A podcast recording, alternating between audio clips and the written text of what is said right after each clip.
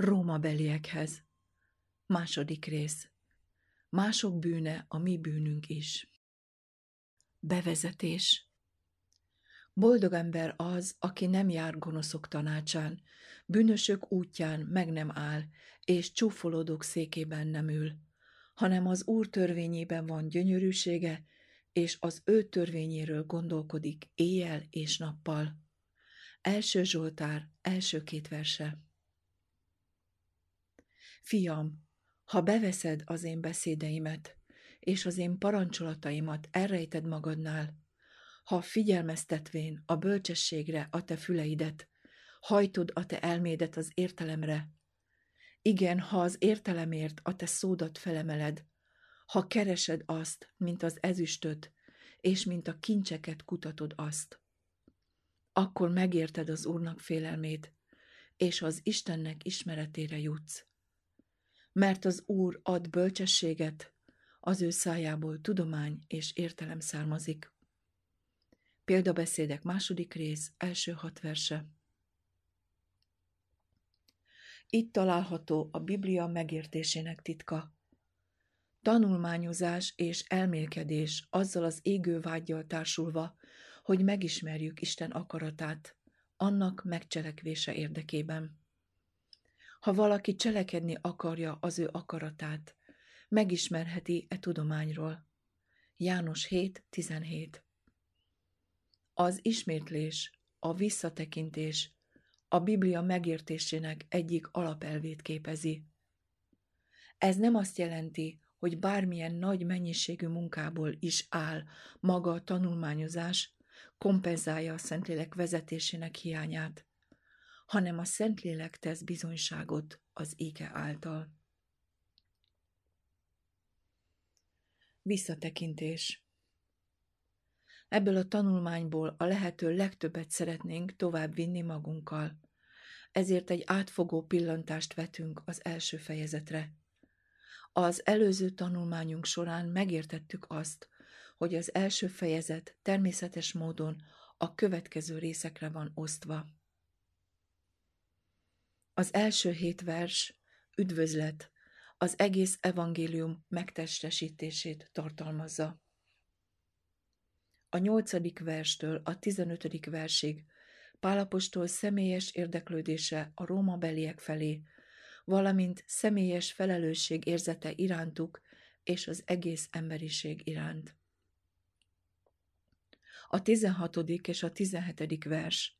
Mi az evangélium és mit tartalmaz? A huszonegyedik verstől a huszonharmadik versig a bölcsesség megrontása. A huszonnegyedik verstől a harmincegyedik versig az Isten iránti hálátlanság és tudatlanság eredménye.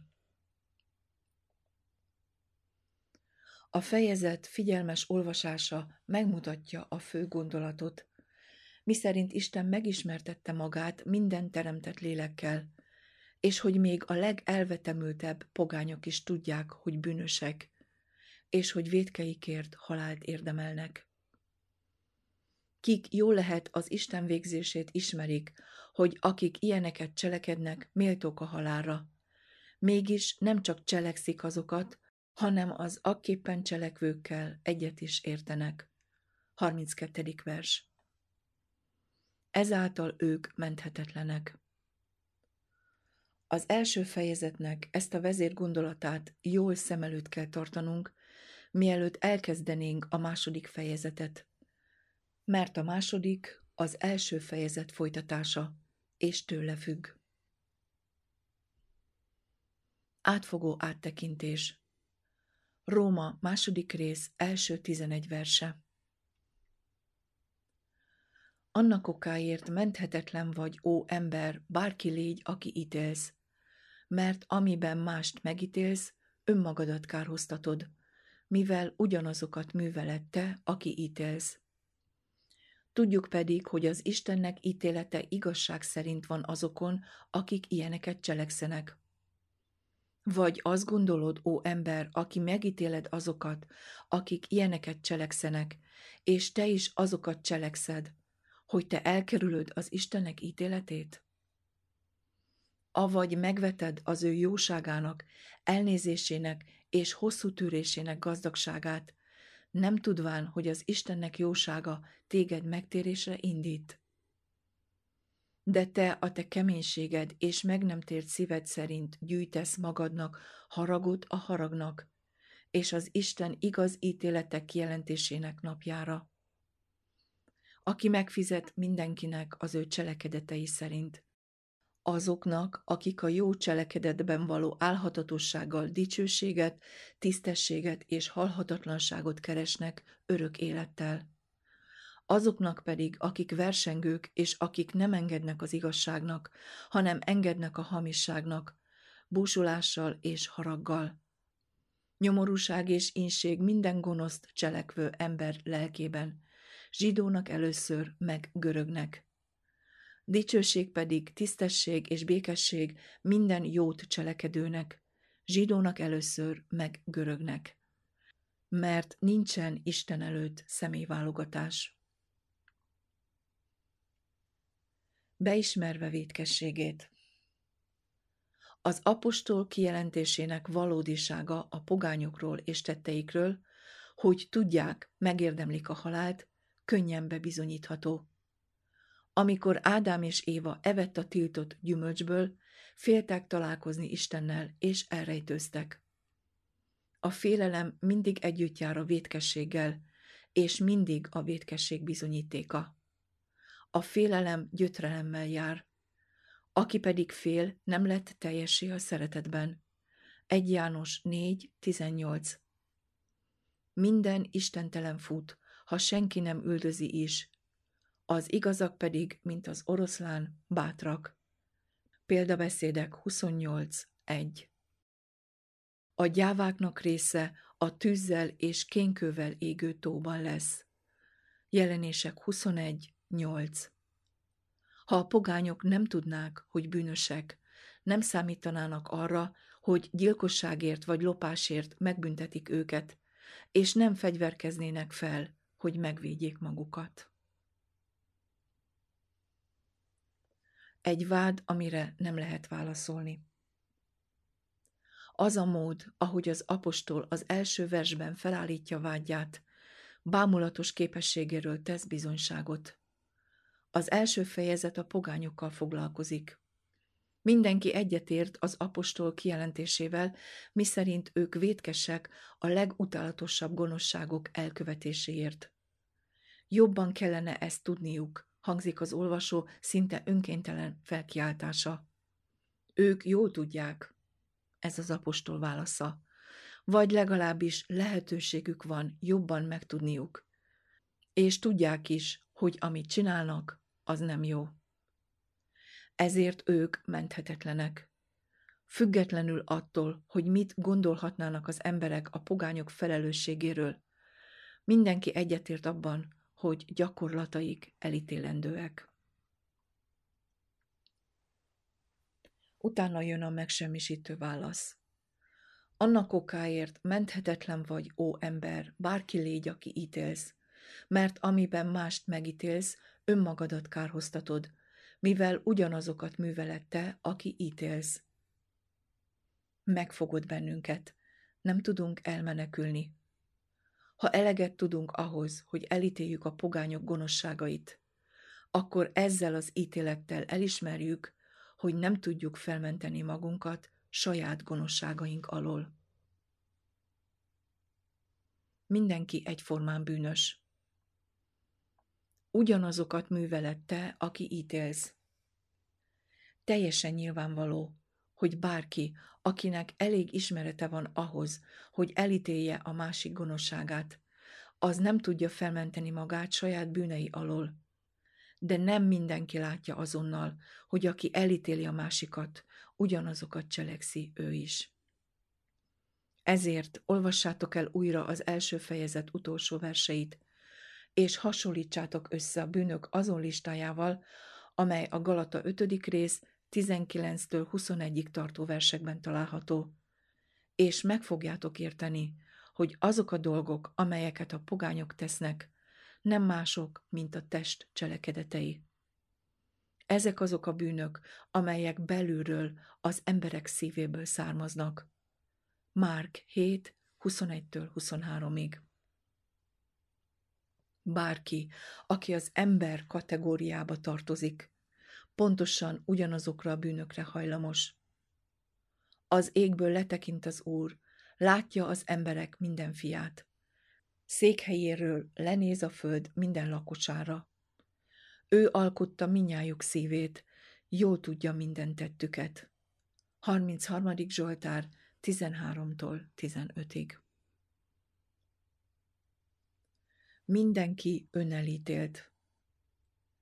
Mivel minden ember egyformán részese a létező egyetlen emberi természetnek, ezért nyilvánvaló, hogy aki elítél egy másik embert valamilyen gonoszságért, ezzel önmagát is elítéli. Mert az igazság az, hogy mindenkiben ugyanaz a rossz van, többé-kevésbé kifejlődve.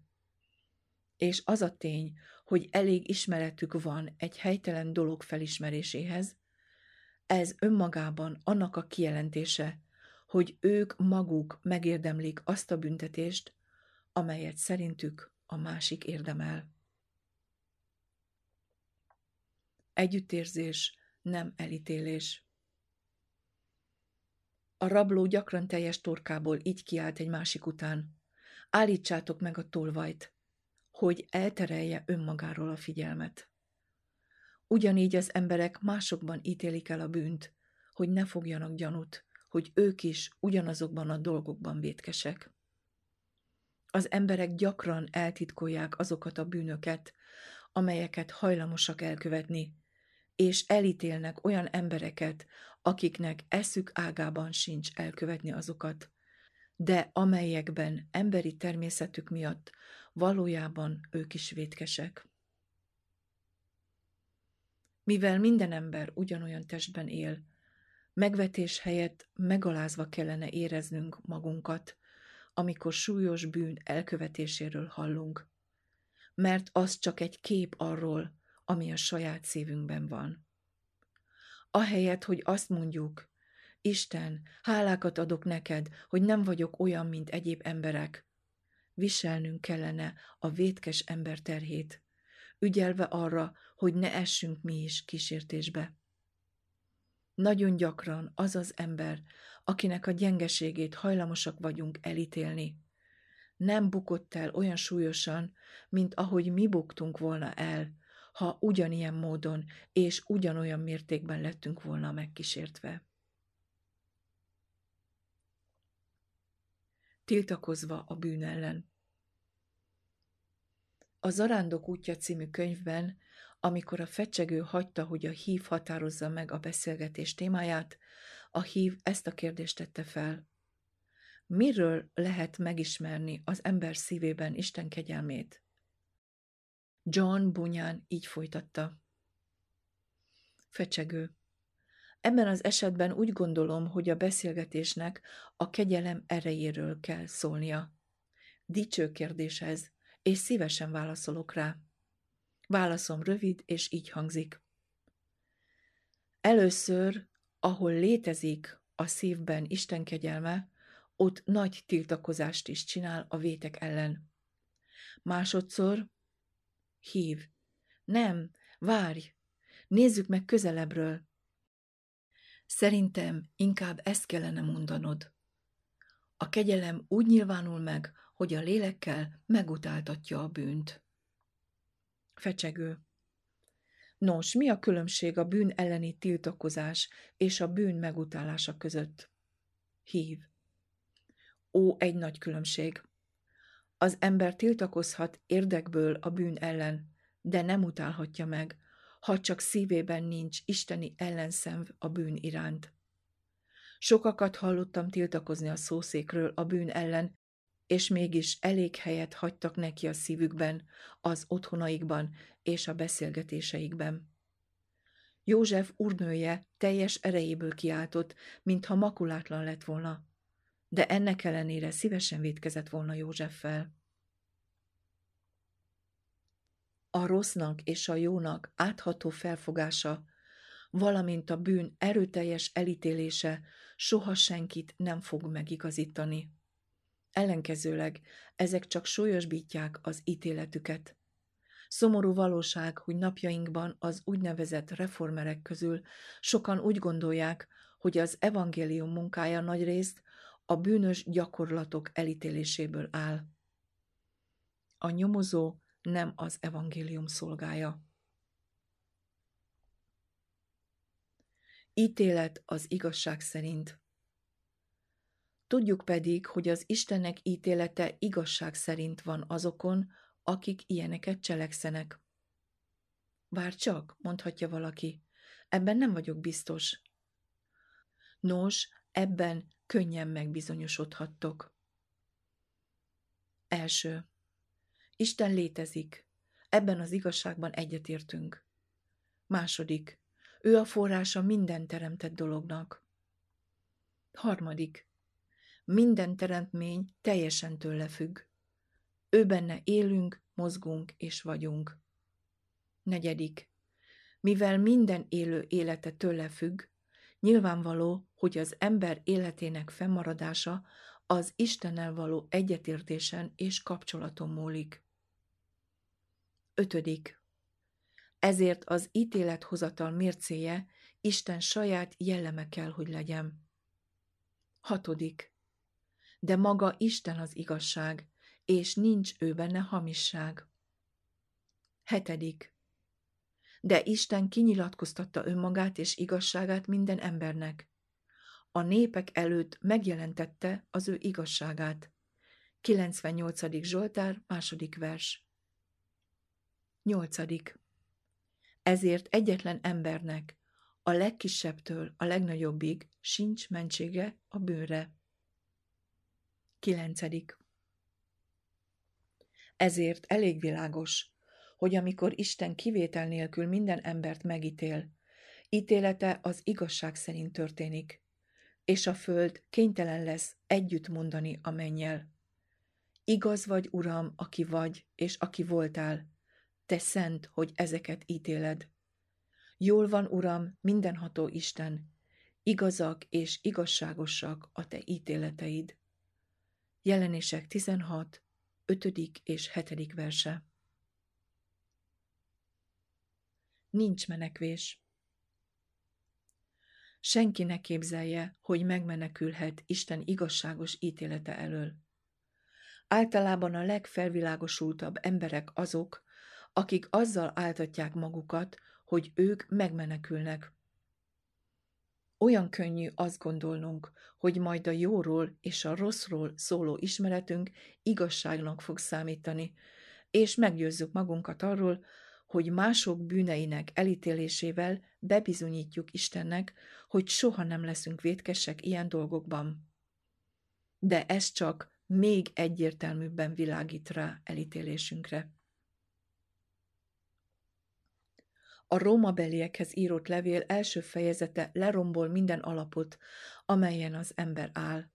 Ha az alacsony osztályhoz tartozókat bűnösnek tartják, akkor a felső osztály számára nincs menekvés. Mert minden cselekedetet az Isten ítéletre előhoz, minden titkos dologgal, akár jó, akár gonosz az. Prédikátor 12.16 Isten jósága megtérésre indít. Avagy megveted az ő jóságának, elnézésének és hosszú tűrésének gazdagságát, nem tudván, hogy az Istennek jósága téged megtérésre indít. Isten a tisztaság és a szentség tökéletessége. Az ember teljesen bűnös. Isten ismer minden bűnt, mégsem veti meg a bűnöst mert nem azért küldte az Isten az ő fiát a világra, hogy kárhoztassa a világot, hanem hogy megtartassék a világ általa. János 3.17 Krisztus azt mondta, és ha valaki hallja az én beszédeimet, és nem hisz, én nem kárhoztatom. János 12.47 Mind abban, amit ő mondott és tett, egyszerűen az atyát képviselte. Isten hosszan tűr érettünk, és ami Urunknak hosszú tűrését üdvösségnek tartsátok. 2 Péter 3. rész, 9. és a 15. vers. De lehetetlen, hogy aki értékeli Isten jóságát és hosszú tűrését, az ne legyen alázatos, és ne buzduljon megtérésre. Ha megizleljük, hogy Isten milyen gyengéden bánik velünk, nem lehetünk kemények embertársainkkal szemben. És ha nem ítélünk, nem ítélnek minket. Lukács 6.37 A bűnbánat egy ajándék. Mert kegyelemből tartattatok meg, hit által, és ez nem tőletek van, Isten ajándéka ez. Efézus 2.8 Ami atyáinknak Istene feltámasztotta Jézust, kit ti fára függesztve megöltetek. Ezt az Isten fejedelemmé és megtartóvá emelte jobbjával, hogy adjon az Izraelnek bűnbánatot és bűnöknek bocsánatát. Apostolok cselekedete 5, 30-31 De Isten nem csak egyedül Izraelnek adott bűnbánatot Krisztus által. Erről a proféták mind bizonságot tesznek, hogy bűneinek bocsánatát veszi az ő neve által mindenki, aki hisz ő benne. Apostolok cselekedete 10.43 Isten ezt az igazságot olyan világosan kifejtette, hogy még az elkülönült zsidók is kénytelenek voltak felkiáltani. E szerint hát a pogányoknak is adott az Isten megtérést az életre. Apostolok cselekedete 11-18 Okok a bűnbánatra Isten jósága bűnbánatra készteti az embert. Következésképpen az egész föld tele van bűnbánatra való buzdítással, mert az Úr kegyelmével telve a föld. 33. Zsoltár 5. vers A te kegyelmeddel, ó Uram, teljes a föld, 119. Zsoltár 64. verse. Isten megismerhető az ő műveiből, és Isten a szeretet. Az egész teremtés Isten szeretetéről és irgalmáról tanúskodik. Ne próbáljuk jobbítani a Szentírást, azt mondván, hogy Isten jósága hajlik arra, hogy megtérésre késztesse az embereket. A Biblia kijelenti, hogy megtérésre vezeti az embert, és biztosak lehetünk benne, hogy ez így is van.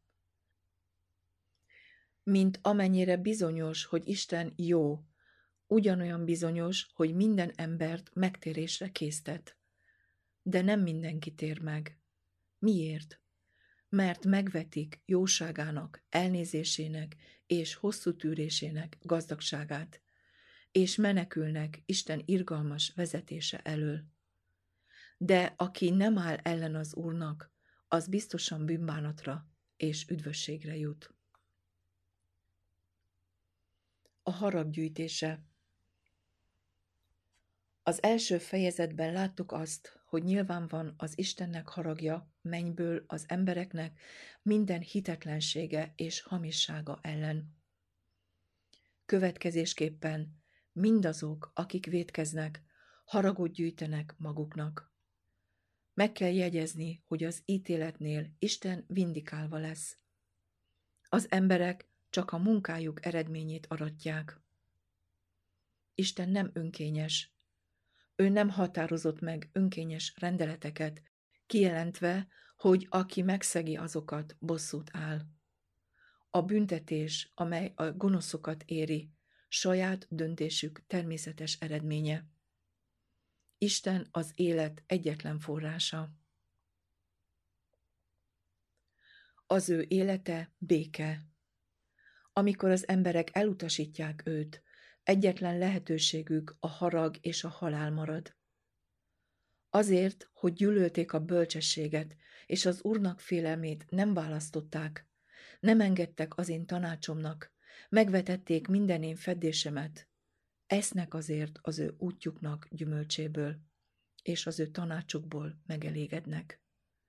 Mert az együgyűeknek pártossága megöli őket, és a balgatagoknak szerencséje elveszti őket.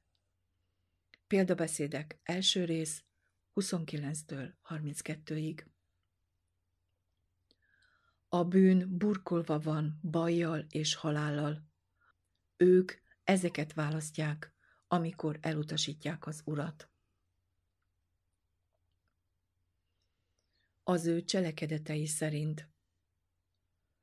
A hitetlenek gyakran azt mondják, hogy nem helyes, ha Isten elítél egy embert csak azért, mert nem hisz egy bizonyos dologban. De ő nem teszi ezt. A Bibliában egyetlen szó sem esik arról, hogy valaki a hite szerint ítéltetik meg.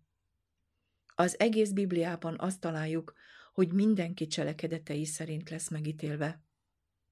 Mert az embernek fia eljön az ő atyának dicsőségében, az ő angyalaival, és akkor megfizet mindenkinek az ő cselekedetei szerint. Máté 16, 27 Íme hamar eljövök, és az én jutalmam velem van, hogy megfizessek mindenkinek, amint az ő cselekedete lesz. Jelenések 22.12 Ő ítél kinek-kinek cselekedetei szerint. 1 Péter 1.17 Aki azt mondja, hogy a cselekedetei jók, az bírónak állítja magát Isten helyébe, pedig ő kijelenti, hogy az ember minden cselekedete gonosz. Isten az egyetlen bíró, és az ember cselekedetei szerint ítél, de az ember cselekedeteit a hite dönti el. Az az Isten dolga, hogy higgyetek abban, akit ő küldött. János 6.29 Az embernek nincs joga megítélni önmagát, és kijelenteni, hogy a cselekedete jó. Neki csak az a dolga, hogy bízzon az Úr jóságában és irgalmában, hogy a cselekedetei Istenben történjenek. Halhatatlanság és örök élet Isten örök életet ad azoknak, akik dicsőséget, tiszteletet és halhatatlanságot keresnek. Krisztus világosságra hozta az életet és a halhatatlanságot az evangélium által. 2 Timóteus 1.10 Az élet és a halhatatlanság két különböző dolog. Aki hisz az Isten fiában, annak örök élete van. Az pedig az örök élet, hogy megismerjenek téged, az egyedül igaz Istent, és akit elküldtél, a Jézus Krisztust. János 17, 3 amint megismerjük az Urat, örök életünk van. De nem lehetünk addig halhatatlanok, amíg az Úr el nem jön az utolsó napon. Minnyájan ugyan nem aluszunk el, de minnyájan elváltozunk. Nagy hirtelen, egy szempillantásban az utolsó trombita szóra, mert trombita fog szólni, és a halottak feltámadnak romolhatatlanságban, és mi elváltozunk mert szükség, hogy ez a romlandó test romolhatatlanságot öltsön magára, és e halandó test halhatatlanságot öltsön magára. 1 Korintus 15, 51-től 53-ig Minnyájunknak keresnünk kell a halhatatlanságot. Ez pedig már önmagában bizonyíték arra, hogy most senki sem rendelkezik vele. Mivel Krisztus az evangélium által hozta napvilágra. Világos, hogy a halhatatlanság csak az evangélium által érhető el. Következésképpen, akik nem fogadják el az evangéliumot, soha nem lesznek halhatatlanok. Nyomorúság és ínség Akik vétkeznek, azok a haragnak fiai. Efézus 2, 3 harag és busulás, nyomorúság és inség éri biztosan a gonosz cselekvőket. De a nyomorúságnak és inségnek egyszer vége lesz. Az a tény, hogy az ő eljövetelekkor senki sem nyer halhatatlanságot, kivéve azok, akik Krisztuséi, bizonyítja, hogy mindenki más megszűnik létezni. A gonoszok büntetése gyötrelmeket foglal magában, de a kínok, akármeddig tartanak is, teljes pusztulásukkal véget érnek. Isten haragja véget ér, mert még csak egy kevés idő van, és elfogy búsulásom, és haragom az ő megemésztetésükre lesz. Ézsaiás 10.25 A felszólítás a következő. Menj be népem, menj be szobáidba, és zárd be az ajtóidat utánad, és rejtsd el magad rövid szempillantásig, míg elmúlik a búsharag. Mert íme az Úr kijön helyéről, hogy meglátogassa a föld lakóinak álnokságát. Ézsaiás 26, 20-21 Nem feddődik minduntalan, és nem tartja meg haragját örökre. 103. Zsoltár, 9. vers Isten haragja megszűnik, de nem azért, mert ő megbékél a bűnnel, hanem azért, mert a bűn el fog tűnni azokkal együtt, akik cselekszik a bűnt. Minden ember lelkének. Nyomorúság és inség következik minden gonoszt cselekedő ember lelkére, és dicsőség pedig tisztesség és békesség minden jót cselekedőnek. Senki nem marad ki. Nem lesz egyetlen olyannyira szegény és tanulatlan lélek, aki figyelmen kívül maradna, és nem lesz egyetlen olyan gazdag és tanult lélek sem, aki megmenekülhetne. A gazdagságnak és a pozíciónak nem lesz súlya azon a bíróságon. Isten olyan világosan jelentette ki önmagát, hogy minden embernek van lehetősége megismerni őt. Mert nyilván van az Istennek haragja a mennyből, az embereknek minden hitetlensége és hamissága ellen, akik az igazságot hamissággal feltartóztatják. Figyeljétek meg, hogy az ő haragja a bűn ellen nyilvánul meg. Csak azok az emberek fognak szenvedni, akik ragaszkodnak a bűnhöz, és nem engedik, hogy Isten elvegye tőlük. A bűn végső eltörlésekor automatikusan megsemmisülnek a bűnnel együtt. Zsidónak először. Ez a kijelentés elegendő annak bizonyítására, hogy Isten nem személyválogató. Valóban, az apostol magától értetődő következtetésként kijelenti, hogy nincsen Isten előtt személyválogatás. Az először nem mindig az időre utal. Mondjuk valakiről, hogy ő az ország első embere. Nem azért, mert nem volt előtte más, hanem azért, mert ő a vezető ember. Az iskolában valaki első az osztályában, mert ő a legjobb tanuló. A zsidók elsőként részesültek a legnagyobb kinyilatkoztatásban, és ezért igazságos, hogy ők legyenek az elsők az ítéletben. Azonban a szöveg rámutat arra, hogy Isten nem részesíti előnyben a zsidókat másokkal szemben. Ha a dicsőségben, tisztességben és békességben elsőként a zsidók részesültek, akkor ugyanígy van a haraggal és a busulással, a nyomorúsággal és az inséggel.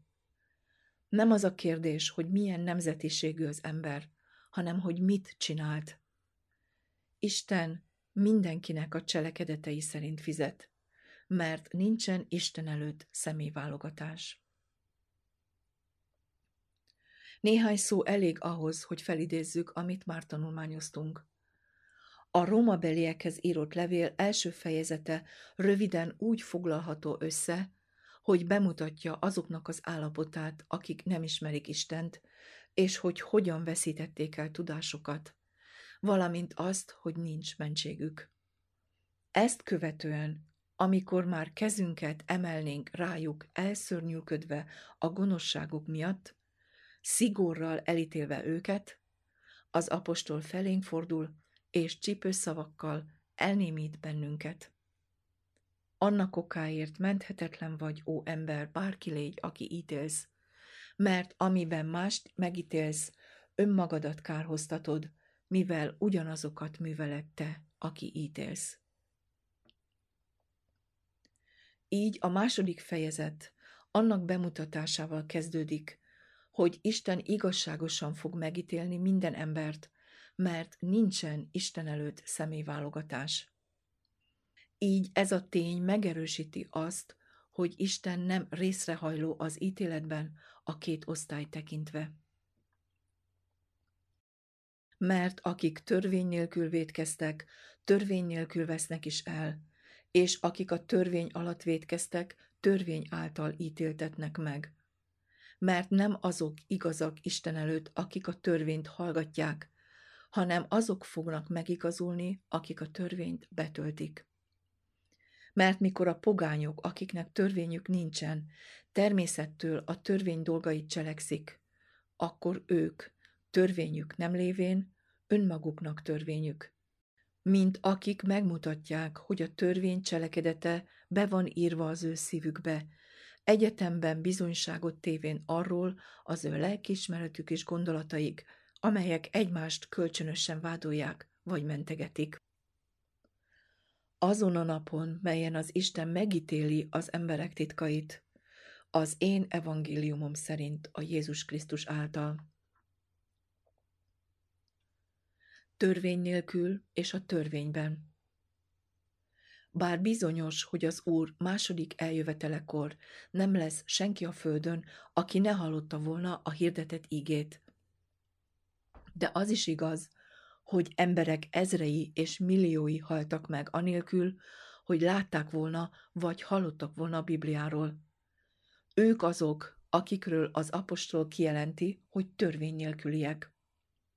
Mindazonáltal az apostol világosan bemutatja, hogy nem teljesen törvény nélküliek, hanem csak írott törvény nélküliek.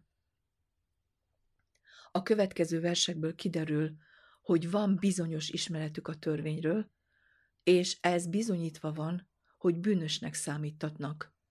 A bűn azonban nem számítatik be, ha nincsen törvény. Róma 5.13 Minden bűn meg lesz büntetve. Akár rendelkeztek írott törvényel, akár nem, különbség nélkül mind bűnösnek számítanak mert nyilván van az Istennek haragja a mennyből, az embereknek minden hitetlensége és hamissága ellen. Róma 1.18 A pogányokról azt olvassuk, hogy mentség nélküliek, és ha azok, akiknek nincs írott törvényük, nem menthetik fel magukat, természetesen sokkal bűnösebbek azok, akiknek a kezükben van a törvény. Isten igazságos. Tudjuk pedig, hogy az Istenek ítélete igazság szerint van azokon, akik ilyeneket cselekszenek. Róma 2.2 Mindazonáltal mindenki, aki vétkezik, akár törvény alatt, akár törvény nélkül, meg lesz büntetve. A leírtak elegendőek annak bizonyítására, hogy a törvény nélkül nem azt jelenti, hogy Isten ismerete nélkül. Az első fejezet ezt magyarázza el. Sok olvasó problémája ezzel a kijelentéssel, mi szerint mindenki meg lesz büntetve, és akik szerint ez nem igazságos, az, hogy elfelejtik vagy figyelmen kívül hagyják az első fejezet tartalmát. Nagy hiba, ha elemzel egy biblia verset, elkülönítve a szövegkörnyezettől. elvesznek. Ez lesz a gonoszok sorsa. Péter apostol kijelenti, hogy a világ tűznek tartatván fenn, az ítéletnek és az istentelen emberek romlásának napjára. 2 Péter 3.7 Mit jelent az, hogy elvesznek? Ez pont az örök élet szöges ellentétét jelenti. Egyik alkalommal néhány ember szólt Jézusnak a galileaiakról, akiknek vérét Pilátus az ő áldozataikkal elegyítette. Jézus így válaszolt, ha meg nem tértek, minnyájan hasonlóképpen elvesztek. Lukács 13, 1-től 3-ig. Újra olvassuk. De a gonoszok elvesznek, és az Úrnak ellensége, mint a liget ékessége, elmúlik, füstként múlik el. 37. Zsoltár, 20. vers. Következésképpen az a kijelentés, miszerint akik vétkeznek, elpusztulnak, azt jelenti, hogy ők meghalnak, teljesen eltűnnek, olyanok lesznek, mintha nem lettek volna. Abdiás 16. verse Teljes pártatlanság Ez teljes igazságosságot jelent. A bűnösök meg lesznek büntetve, függetlenül attól, hogy pogány vagy úgynevezett keresztény országokban élnek. De senkit sem ítélnek el azért, amit nem tudott. Isten nem bünteti meg az embereket egy olyan törvény megszegéséért, amelyről semmit sem tudtak, és nem teszi őket felelőssé azért a világosságért, melynek nem voltak birtokában. Nagyon világos, hogy akiknek megvan a törvény, azok sok mindent tudnak. Amit nem tudnak azok, akik a törvény írásos formájával nem rendelkeznek. Minden ember rendelkezik elég világossággal ahhoz, hogy tudja, hogy bűnös.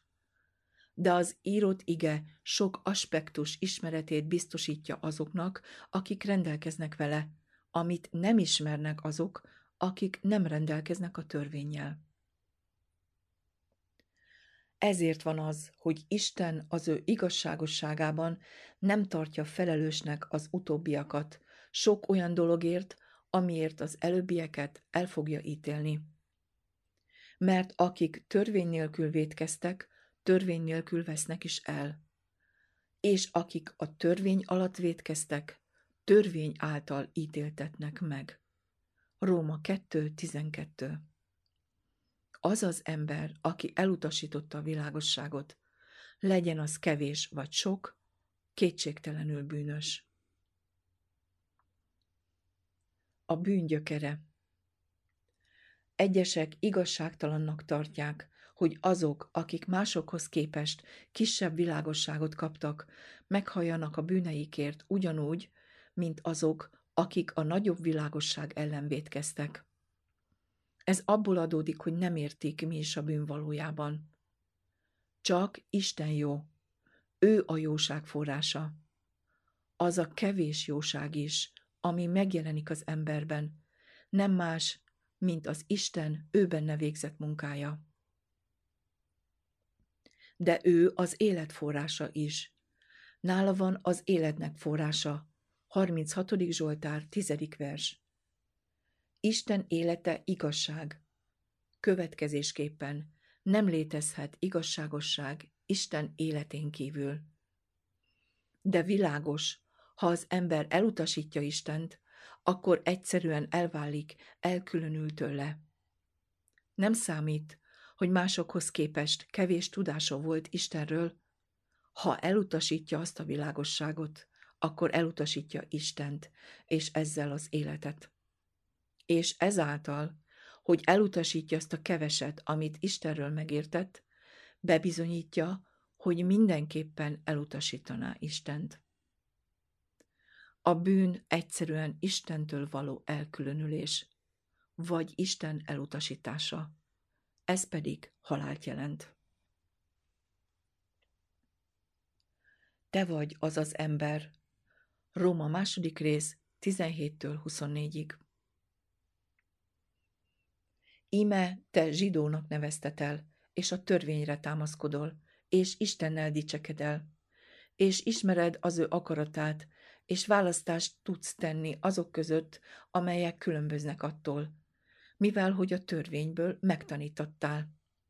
És azt hiszed magadról, hogy te vagy a vakok vezetője, a sötétségben levőknek világossága, a balgatagoknak tanítója, a kiskorúak mestere vagy, bírván a törvényben az ismeret és az igazság formáját. Aki azért mást tanítasz, magadat nem tanítod-e? Aki azt hirdetett, hogy ne lopj, lopsz-e? Aki azt mondod, ne paráználkodjál, paráználkodol-e? Aki utálod a bálványokat, szentségtörő vagy-e? Ki a törvényben dicsekszel? A törvénynek megrontása által az Isten gyalázod-e? Mert az Istennek neve miattatok káromoltatik a pogányok között, amint megvan írva. A magát zsidónak valló a hitvalló keresztények vessék el a rómabeliekhez írott levélnek ezt a részét, azon az alapon, hogy rájuk nem vonatkozik, mivel a hitvalló zsidóknak szól? Semmiképpen. Az apostol pontosan a hitvalló keresztényekre gondolt. Olvassátok el a leírást. Te a törvényre támaszkodsz, és Istennel dicsekszel, és ismered az ő akaratát, és választást tudsz tenni azok között, melyek különböznek attól, mert a törvényből megtanítattál.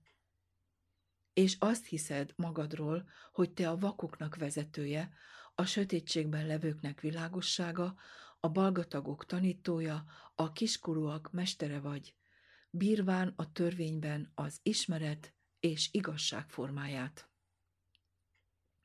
Kinek írta ezt?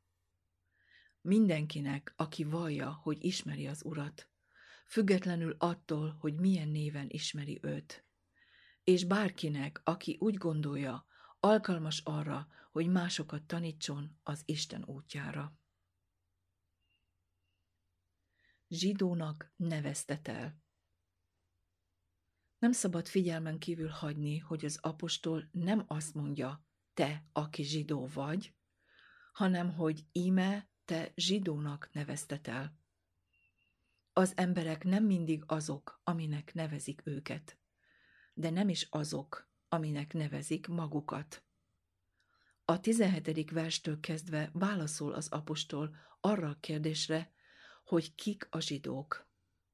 Mielőtt befejeznénk a fejezet tanulmányozását, meg fogunk győződni arról, hogy a neveztetel szó használatával az apostol azt akarta bizonyítani, hogy akire a következő versek leírása hivatkozik, az nem igazi zsidó, mert az Úr nem tekinti annak. Zsidóknak mondják magukat. A jelenések második rész kilencedik versében ezt olvassuk.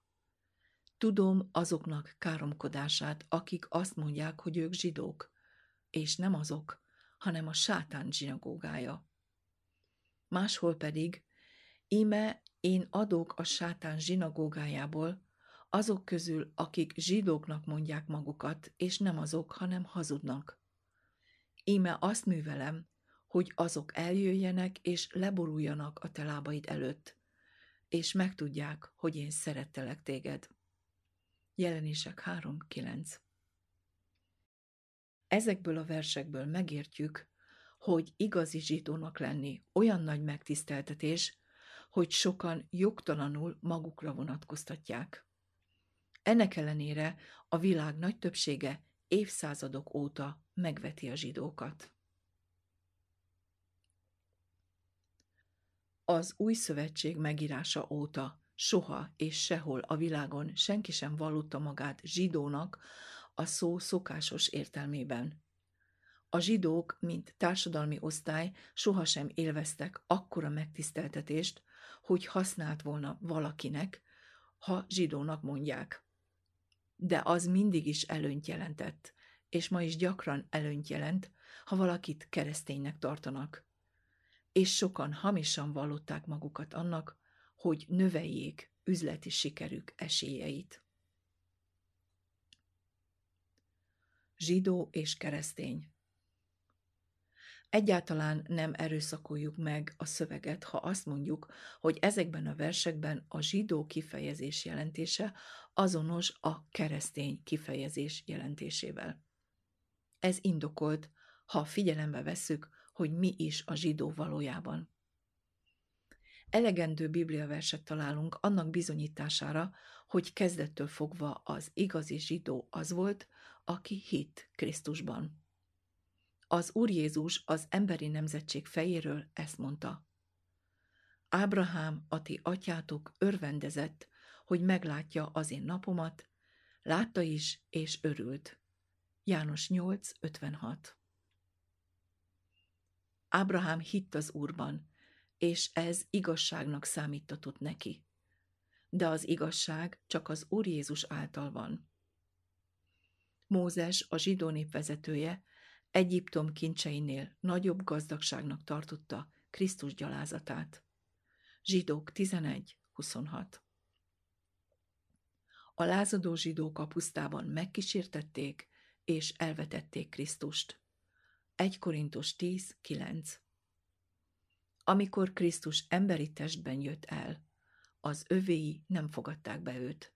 János 1.11 Krisztus mindezeket megkoronázta azzal a kijelentéssel, ha valaki nem hisz Mózes írásainak, az nem hisz ő benne sem. János 5, 46, 47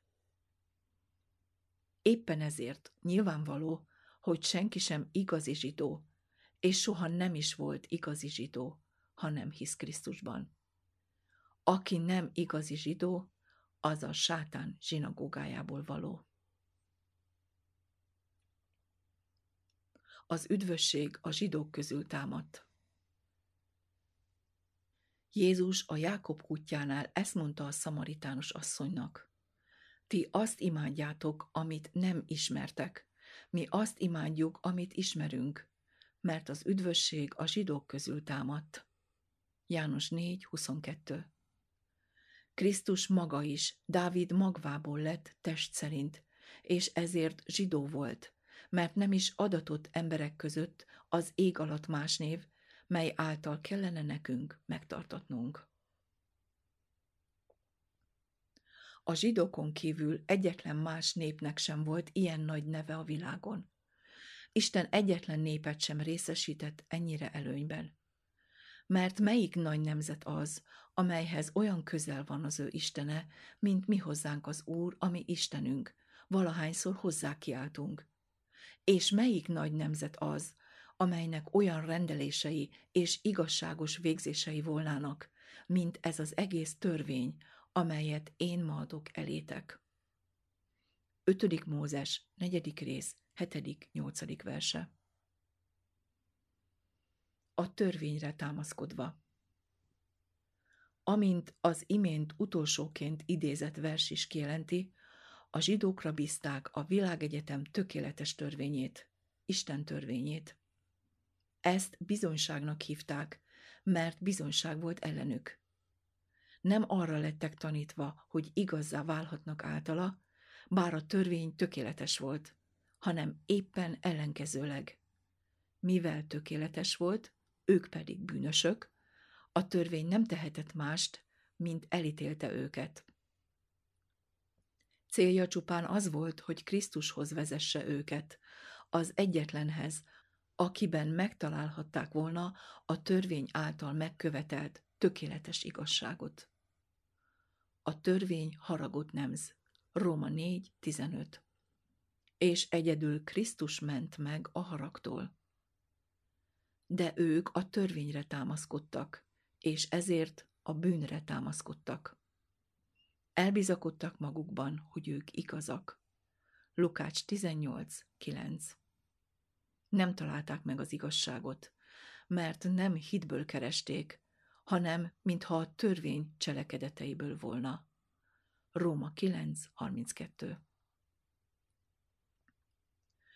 Istennel dicsekedve Ez különbözik az Úrban való dicsekvéstől.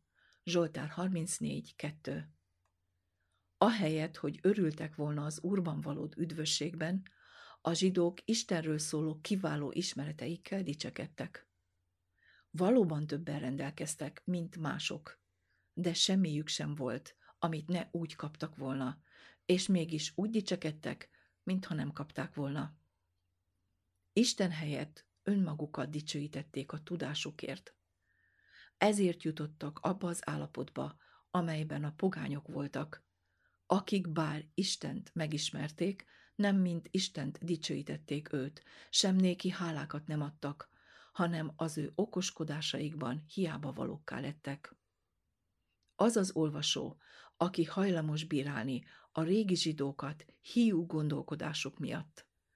Emlékezzen arra, hogy ő hogyan érzi magát, amikor pogány országok lakóihoz, vagy saját országa alacsony osztályához hasonlítják. Isten akarata az ő törvénye. Az apostol azt mondta, hogy a zsidó ismeri Isten akaratát, mert a törvény tanítja őt erre. Ez elég annak bizonyítására, hogy Isten törvénye az ő akarata. Valóban, nem szükséges vitázni ezen az igazságon. Minden kormány akarata a törvényében fejeződik ki. Ahol egyeduralkodó van, az ő akarata mindig a törvény. Isten egyeduralkodó, bár nem önkényes. És mivel az ő akarata a jó egyetlen mértéke, ebből következik, hogy akarata törvény. Törvényét azonban a tíz parancsolat foglalja össze. Ezért a tíz parancsolat Isten akaratának összefoglaló kijelentését tartalmazza. Az ismeret és az igazság formája. Bár a tíz parancsolat tartalmazza Isten akaratának kifejeződését, ami a tökéletes bölcsesség és az igazság, ezek csak kijelentések, és nem maga a valóság, mint ahogy egy ház képesen maga a ház, bár a kép tökéletes lehet. A könyvbe írt vagy kőbevésett szavaknak nincs életük, de tudjuk, hogy Isten törvénye örök élet. Csak Krisztusban található meg az élő törvény, mert ő az Istenség egyetlen megnyilvánulása.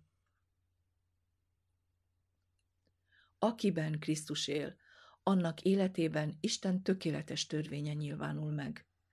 De akiben csak a törvény betűje van, és nem Krisztus, abban az ismeret és az igazság csak formai.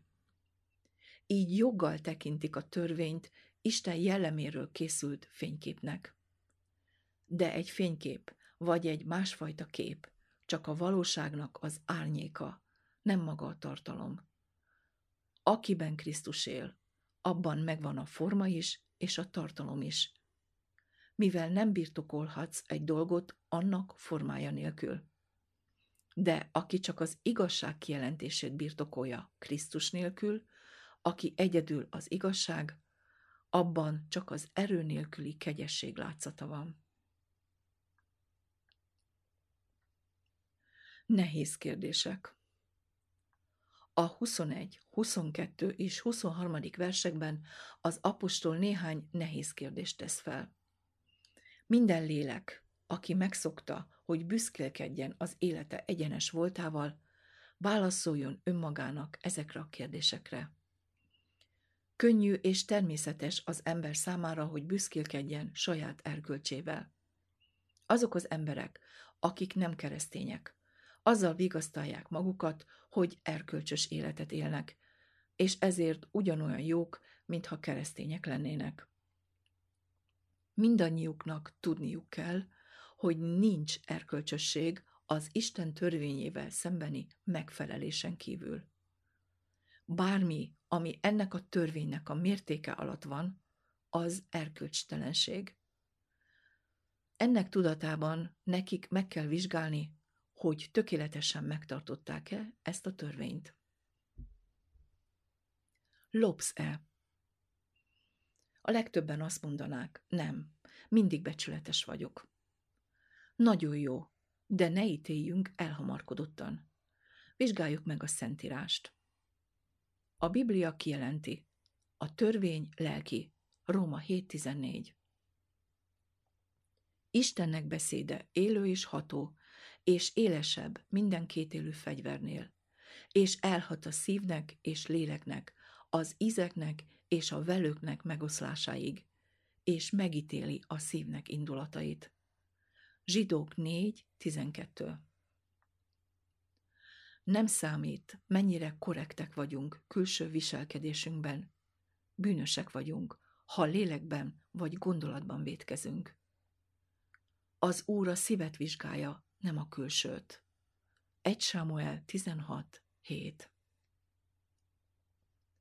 Sőt, épp oly rossz lopni Istentől, mint embertől. Megadtad Istennek azt, amivel tartozol neki? Becsületes voltál vele? Hallgass meg őt, mit mond. Avagy az ember csalhatja-e Istent? Ti mégis csaltatok engem. És azt mondjátok, mivel csaltunk téged? A tizeddel és az áldozni valóval.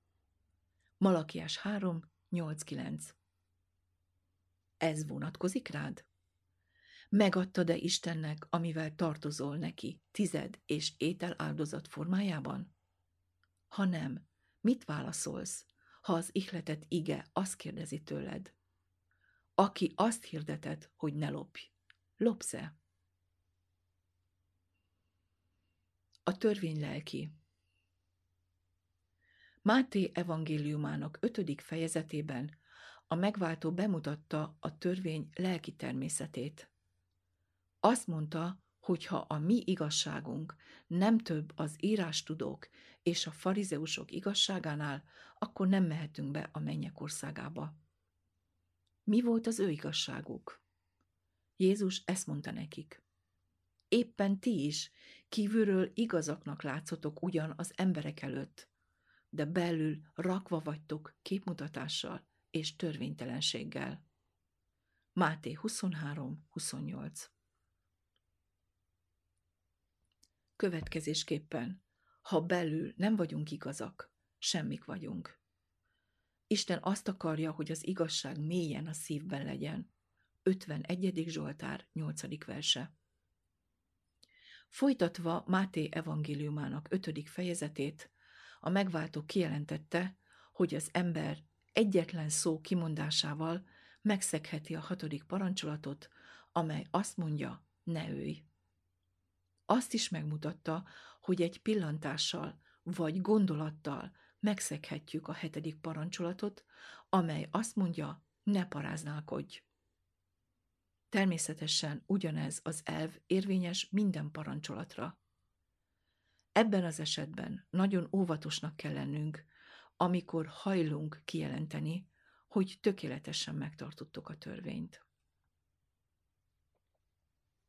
Egyesek azt mondták, hogy a tíz parancsolat nagyon alacsony mércét állít, és az ember megtarthatja mindet anélkül, hogy méltó lenne arra, hogy elfogadják őt a felső társadalomban.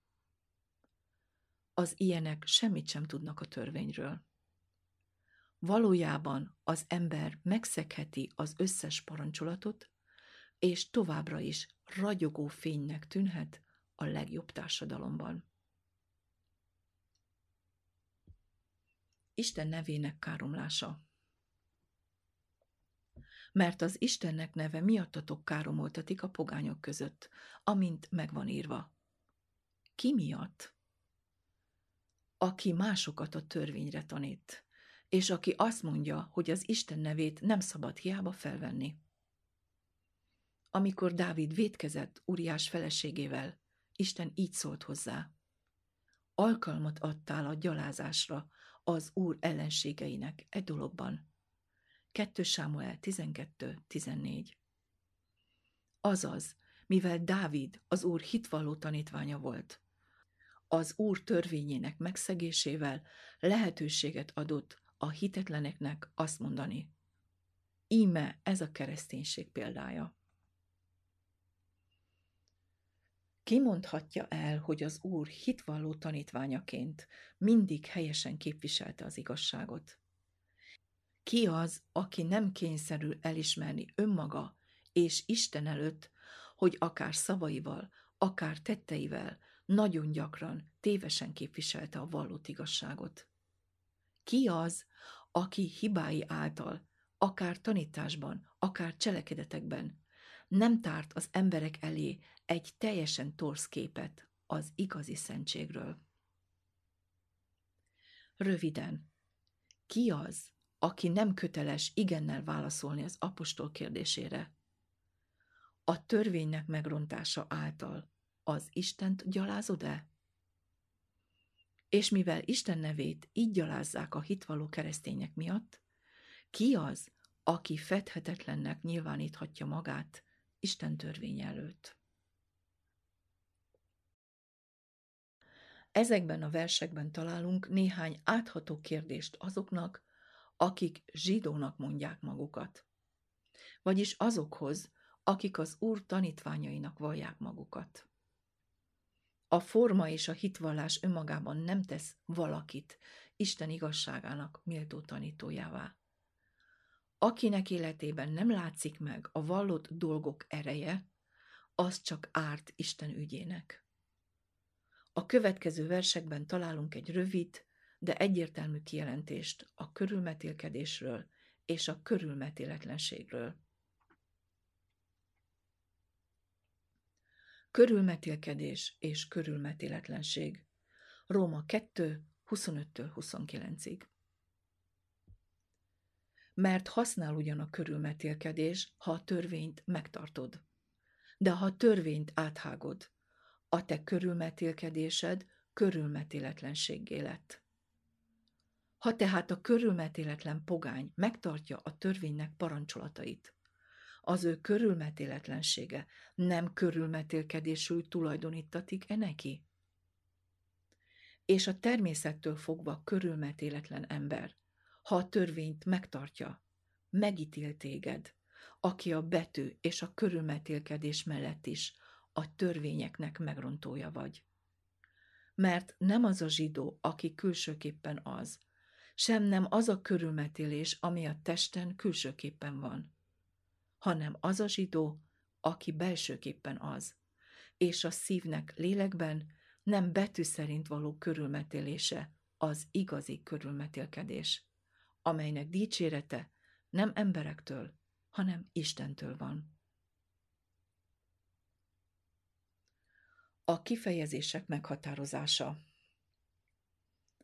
A két kifejezés, a körülmetélés és a körülmetéletlenség itt nem csak a rituálé és a rituálé hiánya jelzésére szolgál, hanem az emberek két osztályának megjelölésére is. A körülmetéletlenség nyilvánvalóan azokra vonatkozik, akiket pogányként ismertek, akik más isteneket imádtak.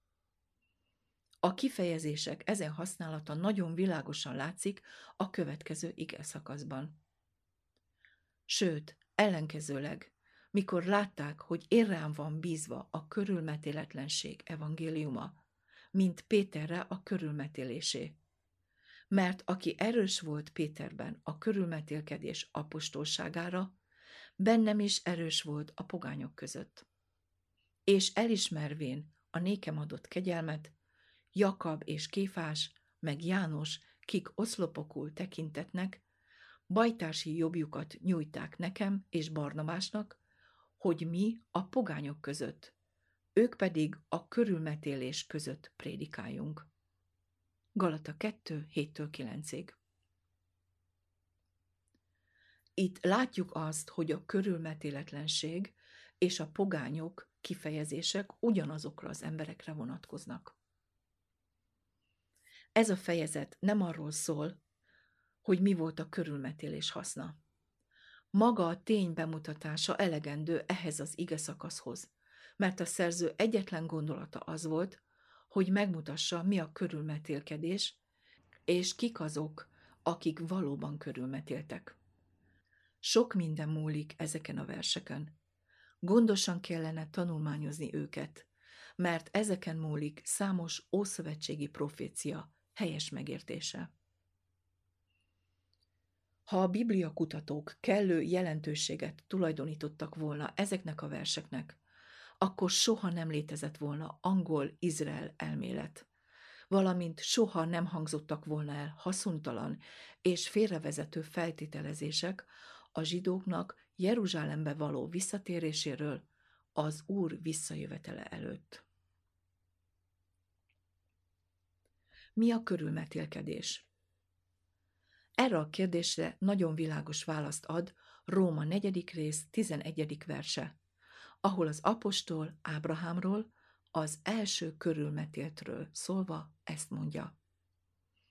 és a körülmetélkedés jegyét körülmetéletlenségében tanúsított hite igazságának pecsétjéül nyerte. Arra a kérdésre, hogy mi a körülmetélkedés, a válasz a következő. A körülmetélkedés jele a hitáltali megigazulás pecsétje. Amikor a körülmetélkedés körülmetéletlenségé válik. Nyilvánvaló tehát, hogy ahol hiányzott az igazság, ott a körülmetélkedés jelének semmi értéke nem volt. Így az apostol kijelenti. Ha a törvényt áthágod, a te körülmetélkedésed körülmetéletlenségé lett. Ahogy az előző versekből megtudtuk, hogy maga a forma a valóság nélkül semmit sem jelent. Ugyanígy ebből a részből megtudjuk, hogy a jel lényeg nélkül semmi. Nagyon könnyű egy szegény embernek hirdetőtáblát kitenni, hogy csizma és cipő eladó. De a bolt áruval való feltöltéséhez tőke szükséges. Ha megvan a jele, hirdetőtáblája, de nincs csizma és cipő, akkor rosszabb helyzetben van, mintha nem lenne jele. A zsidók tévedése a zsidók tévedtek, amikor azt gondolták, hogy a jel elég. Végül azt hitték, hogy a jel elhozza számukra a valóságot, ahogy napjainkban sok hitvalló keresztény hiszi, hogy bizonyos rituálék elvégzésével Krisztus testének tagjaivá válnak. De a test puszta körülmetélése nem jelent semmiféle igazságot, hanem csak bűnt. Galata 5. rész 19-21-ig. Valójában sokan azok közül, akiket megvetettek, körülmetéletlennek nevezve őket, valójában körülmetéltek voltak, miközben ők maguk nem. A szív körülmetélése Az igazi körülmetélés a szívre, vagyis a belső életre vonatkozik, és egyáltalán nem a testet érinti. Az apostol nagyon világos nyelvezettel jelenti ki, hogy ami külsőről szól, a testről, vagyis ami csak külső formákat ölt, az nem körülmetélés, hanem a valódi körülmetélkedés a szívnek lélekben nem betű szerint való körülmetélése. Ezt általános igazságként állapítja meg. Ez nem valami új, Pálapostól korában, hanem kezdettől fogva így volt. Az 5. Mózes 30. rész 6. versében Mózesnek a szavait olvashatjuk, melyeket az Izrael fiaihoz szólt. És körülmetéli az Úr a te Istened a te szívedet, és a te magodnak szívét, hogy szeresed az Urat, a te Istenedet teljes szívedből és teljes lelkedből, hogy élj. Minden igaz zsidó felismerte, hogy az igazi körülmetélkedés csak a szív körülmetélése. István az igazság elutasítóit így jellemezte. Makacs, körülmetéletlen szívű és fülű emberek. Apostolok cselekedete 7.51 Igazság a szívben A Zsoltáros ezt írta. Íme te a szívben levő igazságban gyönyörködsz, és bensőmben bölcsességre tanítasz engem. Zsoltár 51. rész, 8. verse. 51. Zsoltár, 8. vers. A csupán felszíni igazság nem ér semmit. Lásd Máté 5. rész, 20. versét, 23. rész, 27. 28. versét mert szívvel hisszük, hogy megigazulunk. Róma 10.10 10. Amikor Mózes Isten parancsára megismételte a törvényt Izrael előtt, ezt mondta.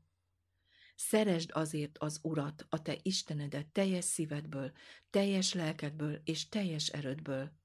És ezek az igék, amelyeket a mai napon parancsolok néked, legyenek a te szívedben. 5 Mózes 6, 5 6 nem létezhet olyan igazság, amely nem igaz élet lenne. Következésképpen mivel a körülmetélés csupán az igazság jele, nyilvánvaló, hogy nem létezhet igazi körülmetélés, csak akkor, ha a szív körülmetélése valóság. Körülmetélkedés a Szentlélek által. Tudjuk, hogy a törvény lelki, Róma 7.14. Vagyis ez a Szentlélek természete, mert Isten ígéje a lélek kardja, amely Isten törvényét az ember szívébe helyezheti. Ezért az igazi körülmetélés a Szentlélek műve.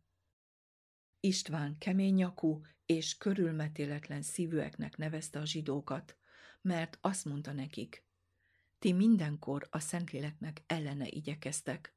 Apostolok cselekedete 7.51 Ezért világos, hogy bár a Róma 2.29-ben a lélek szó nincs nagybetűvel írva, a Szentlélekre vonatkozik, és nem az emberi lélekre. A görögben természetesen semmi sem utal bármi különbségre, mint ahogy az angolban is a szó ugyanúgy van írva, akár Isten lelkére, akár az ember lelkére utal. Ha emlékszünk arra, hogy a körülmetélést a hitáltali megigazulás pecsétjeként adta Isten, és hogy Ábrahámnak és magvának ígért örökség a törvény igazsága által volt, Róma 4. rész 11 és 13 verse, akkor megértjük, hogy a körülmetélés az öröklés garanciája volt. Az apostol azt is elmondta, hogy mi Krisztusban nyerjük el azt az örökséget, amelyben ti is, miután hittetek, megpecsételtettetek az ígéretnek Amma szent lelkével, aki záloga a mi örökségünknek, a megvásárolt tulajdon megváltására. Efézus 1, 13-14 Az Ábrahámnak és magvának ígért örökség csak az igazság lelke által volt biztosítva. Ezért kezdettől fogva nem volt igazi körülmetélkedés, amely ne a Szentlélek által történt volna. Körülmetélkedés Krisztus által és ti ő benne vagytok beteljesedve, aki feje minden fejedelemségnek és hatalmasságnak, akiben körül is metéltettetek kéz nélkül való körülmetéléssel, levetkezvén az érzékű bűnök testét a Krisztus körülmetélésében. Kolossé 2, 10-11 A körülmetélkedésnek ugyanolyan fontos jelentése kellett legyen, amikor adatott, mint bármikor máskor ezért egészen kezdettől fogva az egyedül Krisztus általi megigazulást jelentette. Ez a kijelentés kellőképpen alá van támasztva azon tény által, hogy a körülmetélést Ábrahámnak adta az Isten igazság pecsétjeként, amelyet hit által birtokolt, és mert hitt az Úrnak, és tulajdonítatott az őnéki igazságul. 1 Mózes 15.6 Kik a körülmetéltek? Erre a kérdésre a Filippi harmadik rész harmadik verse válaszol. Mert mi vagyunk a körülmetélkedés, akik lélekben szolgálunk az Istennek, és a Krisztus Jézusban dicsekedünk, és nem a testben bizakodunk. Ez pedig nem más, mint egy másik kifejezése annak, amit a szövegünkben találunk. A szívnek lélekben nem betű szerint való körülmetélése, aminek dicsérete nem emberektől, hanem Istentől van. Következésképpen senki sem volt igazán körülmetélve, ha nem hitt Krisztus Jézusban, és nem örvendezett ő benne. Ez az oka annak, hogy István körülmetéletleneknek nevezte a hitetlen zsidókat.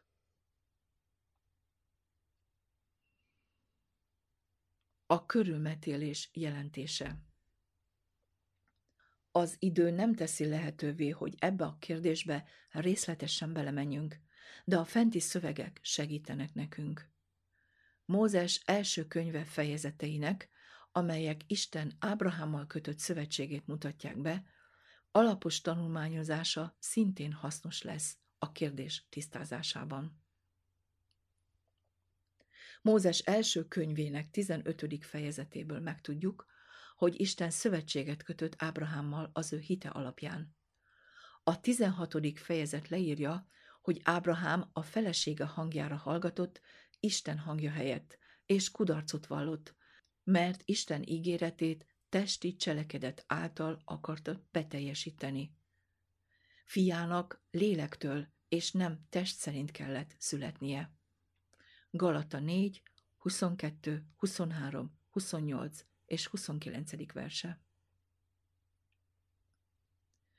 Ezt követően a 17. fejezet Ábrahám hitének újjászületését és a körülmetéléssel megpecsételt szövetség megújítását mutatja be. A húsnak egy bizonyos részét le kellett vágnia, annak bemutatásaként, hogy nem bízhat a testben, hanem csak Isten lelke által kaphat igazságot és örökséget. Ábrahám leszármazottai így állandó jelet kaptak, hogy emlékeztesse őket a tévedésre, így figyelmeztetve őket, hogy az Úrban bízzanak, ne önmagukban. De ők megrontották a jelet, és annak jelének tekintették, hogy ők jobbak a többi embernél, ahelyett, hogy bizonyítéknak tekintették volna, hogy a test nem használ semmit. De az a tény, hogy a zsidók megrontották és félreértelmezték a jelet, nem semmisíti meg az eredeti jelentését. Kik a zsidók? A Galata levél második fejezetének egyik részében láttuk, hogy a körülmetiletlen kifejezés azokra vonatkozik, akik nem ismerik az Urat, vagy akik Isten nélkül valók voltak e világban. Efézus 2, 11, 12 A zsidók a körülmetéltek. De csak azok, akik az Úrban örvendeznek, akik egyáltalán nem bíznak a testben. Ezért az igazi zsidók nem mások, mint a keresztények, a hívő keresztények. Az a zsidó, aki belsőképpen az. Isten előtt nem számított igazi zsidónak, aki nem hitt Krisztusban. És minden Krisztusban igaz hívő, a szó bibliai értelmében zsidó. Ábrahám a zsidó nemzet atya, örvendezett Krisztusban. János 8.56 Az elkülönülés jele Sokan osztják azt a véleményt, hogy a körülmetélkedés azért adatott, hogy megkülönböztető jel legyen a zsidók és a pogányok között. Ennek az elképzelésnek a hamis voltát kellőképpen megértjük, ha tanulmányozzuk, hogyan kapta Ábrahám a körülmetélkedést, valamint Pálapostól kijelentését annak valódi jelentőségéről. Mások azt feltételezik, a körülmetélkedés azért adatott, hogy a zsidókat elkülönítve tartsa, hogy Krisztus vérvonala létrejöhessen. Ez is alaptalan feltételezés. Krisztusnak Júda törzséből kellett származnia, de mivel az összes zsidó törzs körülmetélt volt, nyilvánvaló, hogy a körülmetélkedés semmiképpen sem tudta létrehozni Krisztus vérvonalát. Ezen kívül a test körülmetélése soha nem tett semmilyen különbséget a zsidók és a pogányok között. A körülmetélés nem óvta meg Izraelt a bálványimádástól, és nem akadályozta meg őket abban, hogy csatlakozzanak a pogányokhoz bálványimádásukban. Ahányszor a zsidók megfeledkeztek Istenről, összeelegyedtek a pogányokkal, semmi különbség sem volt köztük és a pogányok között. A körülmetélkedés nem különítette el őket senkitől. Sőt, Isten nem akarta, hogy a zsidók elkülönüljenek a pogányoktól abban az értelemben, hogy egyáltalán ne érintkezzenek velük. A zsidók Egyiptomból való kiszabadításának az volt a célja, hogy prédikálják az evangéliumot a pogányoknak. Isten azt akarta, hogy jellemükben különüljenek el, de a külső körülmetélkedés ezt nem tudta megvalósítani. Mózes így szólt az úrhoz. Mert miről ismerhetjük meg, hogy én és a te néped kedvet találtunk előtted? Nem arról-e, ha velünk jársz? Így vagyunk megkülönböztetve, én és a te néped minden néptől, amely e földnek színén van. 2 Mózes 33.16 Isten jelenléte az emberek szívében fogja elválasztani őket mindenki mástól, még akkor is, ha ugyanabban a házban laknak, és egy asztalnál esznek. De ha Krisztus nincs az ember szívében, akkor nincs elválasztva a világtól, még ha körül is van metélve, és úgy él, mint egy remete. A szó szerinti és a lelki mag az Izraellel kapcsolatos zűrzavar nagy része e kifejezések félreértéséből adódik. Az emberek azt képzelik, ha azt mondjuk, hogy csak azok az igazi zsidók, akik lelkiek, akkor tagadjuk a mag és az ígéret szó szerinti voltát. De a lelki nem a szó szerinti ellentéte. Ami lelki, az szó szerinti és valóságos. Krisztus lelki, viszont ő az igazi és a szó szerinti mag. Isten lelki, és ennek ellenére nem egy valótlan lény. Hasonlóképpen az az örökség, amelynek Krisztusban örökösei vagyunk, lelki örökség, és mégis valóságos. Azt mondani, hogy csak a lelkiek alkotják az igazi Izraelt, nem jelenti a Szentírás figyelmen kívül hagyását, annak megváltoztatását, vagy azt, hogy valamilyen módon csökkenteni az ígéret közvetlen alkalmazását és erejét, mert Isten ígérete csak azoknak szól, akik hisznek Krisztusban. Mert nem a törvény által adatott az ígéret Ábrahámnak, vagy az ő magvának, hogy e világnak örököse lesz, hanem a hitnek igazsága által. Róma 4.13 ha pedig Krisztuséi vagytok, tehát az Ábrahám magva vagytok, és ígéret szerint örökösök. Galata 3, 29